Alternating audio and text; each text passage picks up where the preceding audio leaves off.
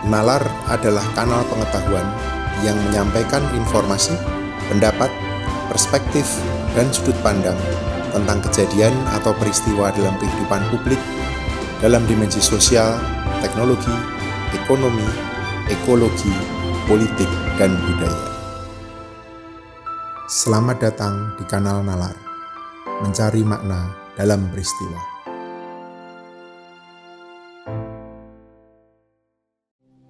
Saudara-saudara, nampaknya kemajuan dunia yang saat ini terlihat amat pesat membawa juga sebuah kegelisahan.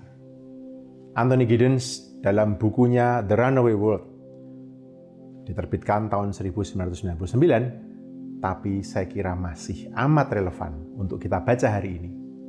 Menggambarkan dunia saat ini sebagai dunia yang tengah berlari tunggang langgang seperti apa dunia yang berlari tunggang langgang itu.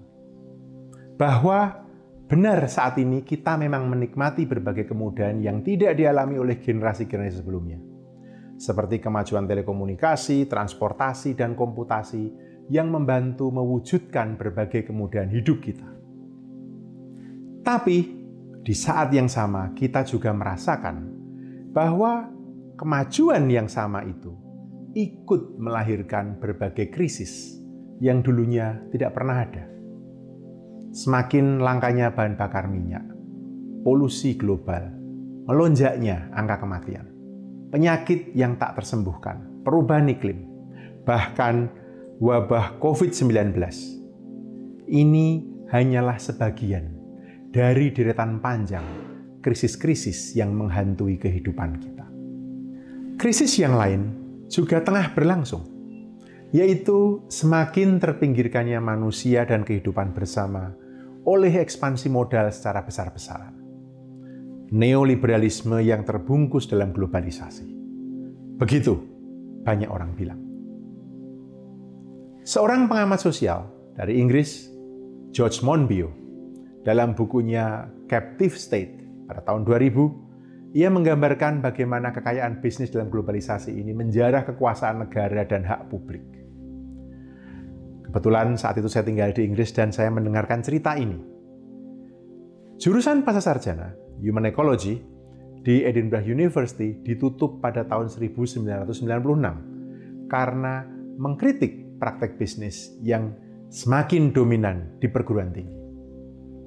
Juga di sana perusahaan swasta mulai turut campur dalam pengelolaan rumah sakit di NHS, National Health Service, sejak tahun 1993. Hingga bagaimana mereka membeli izin perencanaan wilayah ketika terjadi konflik berkaitan dengan lingkungan hidup yang terjadi pada pertengahan tahun 1990-an di berbagai wilayah di Inggris.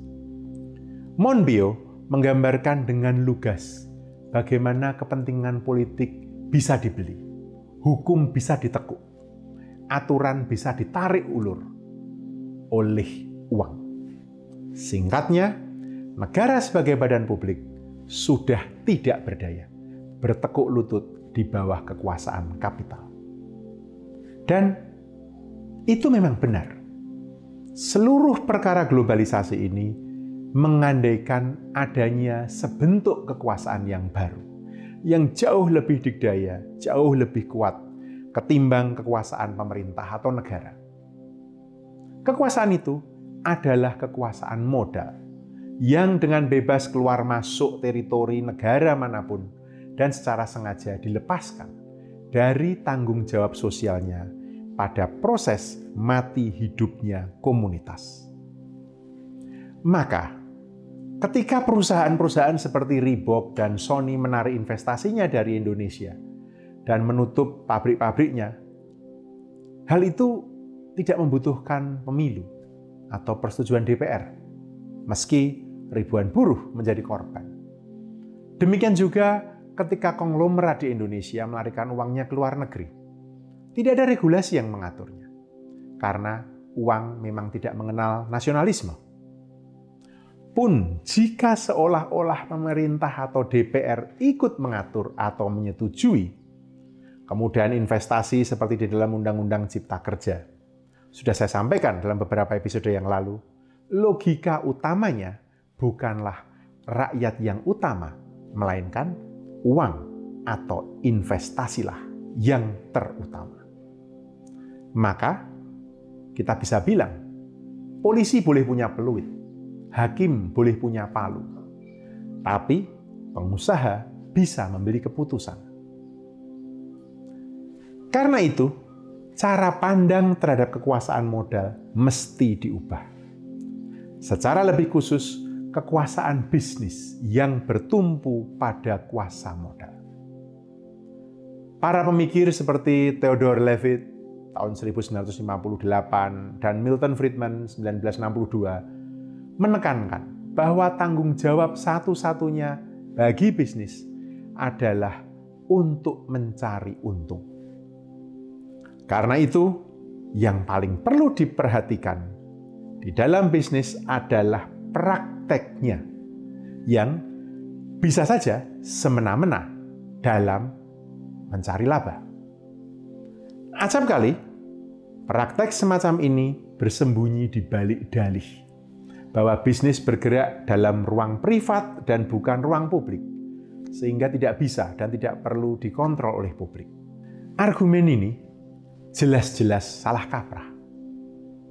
Sebuah praktek ekonomi yang berhubungan dengan apa yang kita makan, apa yang kita minum, apa yang kita kenakan, atau apa yang digunakan oleh banyak orang, termasuk kita semua, Anda dan saya, dan menentukan mati hidupnya kita semua.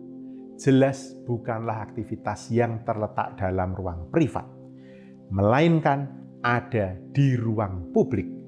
Dan karenanya mesti terbuka dan bisa dikenakan kriteria akuntabilitas publik.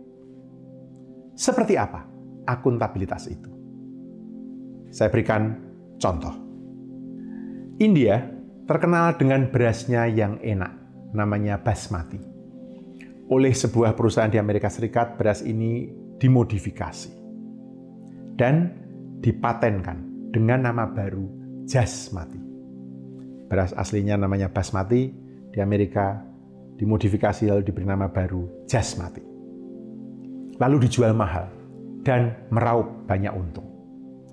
Pemerintah India menuntut perusahaan tersebut karena beras basmati sudah berumur 2000 tahun dan menjadi milik publik sehingga tidak bisa dipatenkan dan dipelesetkan dengan nama jasmati. Tapi apa yang terjadi? Pemerintah India justru balik dituntut untuk membuktikan bahwa basmati dan jasmati identik. Karena hanya dengan cara ini perusahaan itu bisa dituntut maka mungkin jelas jika perkara akuntabilitas praktek bisnis semacam ini kini makin mendesak. Pemerintah makin tak berdaya di depan kekuasaan bisnis yang tidak hanya sanggup membeli apa saja, melainkan juga melecehkan apa saja. Namun, juga jangan salah, ini bukan berarti anti bisnis atau semata-mata pro pemerintah yang kita perlu peka adalah dinamika kekuasaannya. Dan tentu empati pada korban dari praktek kekuasaan itu. Kalaulah ada anti, itu adalah anti pada semua praktek kekuasaan yang tidak akuntabel pada publik, yang mengorbankan kepentingan publik, termasuk di dalamnya kelompok minoritas, kaum pinggiran, masyarakat adat, perempuan dan anak, buruh, petani, kaum difabel, dan tentu saja lingkungan hidup. Mengapa? Kita hidup di zaman yang makin rumit dengan berbagai dalih yang saling tumpang tindih. Pemerintah membendung konversi lahan pertanian pangan produktif, bahkan menggenjot produksi komoditas pangan dan pertanian dalam negeri melalui food estate.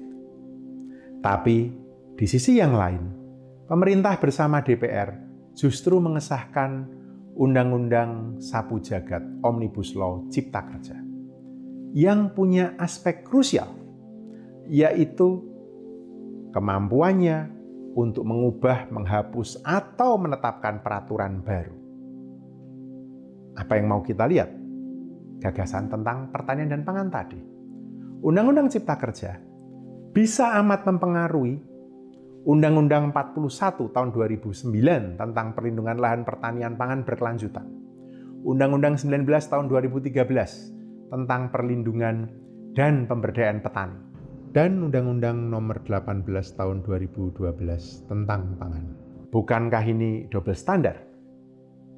Atau memang bagi Undang-Undang Cipta Kerja, konversi lahan produktif demi investasi tidak masalah? Mungkin saja. Tapi jika kita paham perilaku bisnis yang mengejar untung semata, hal itu mudah dijelaskan. Coba kita tunggu saja jika nanti permintaan lahan sudah meningkat. Aturan itu mungkin akan berbunyi lain. Karena kini kita bukan lagi manusia sekedar sebagai warga negara. Melainkan juga bisa dilihat hanya sebagai konsumen dalam pasar dunia yang makin mengglobal ini. Terima kasih sudah mendengarkan podcast ini. Semoga kita bisa menemukan makna dan pemahaman yang lebih dalam bersama Natal.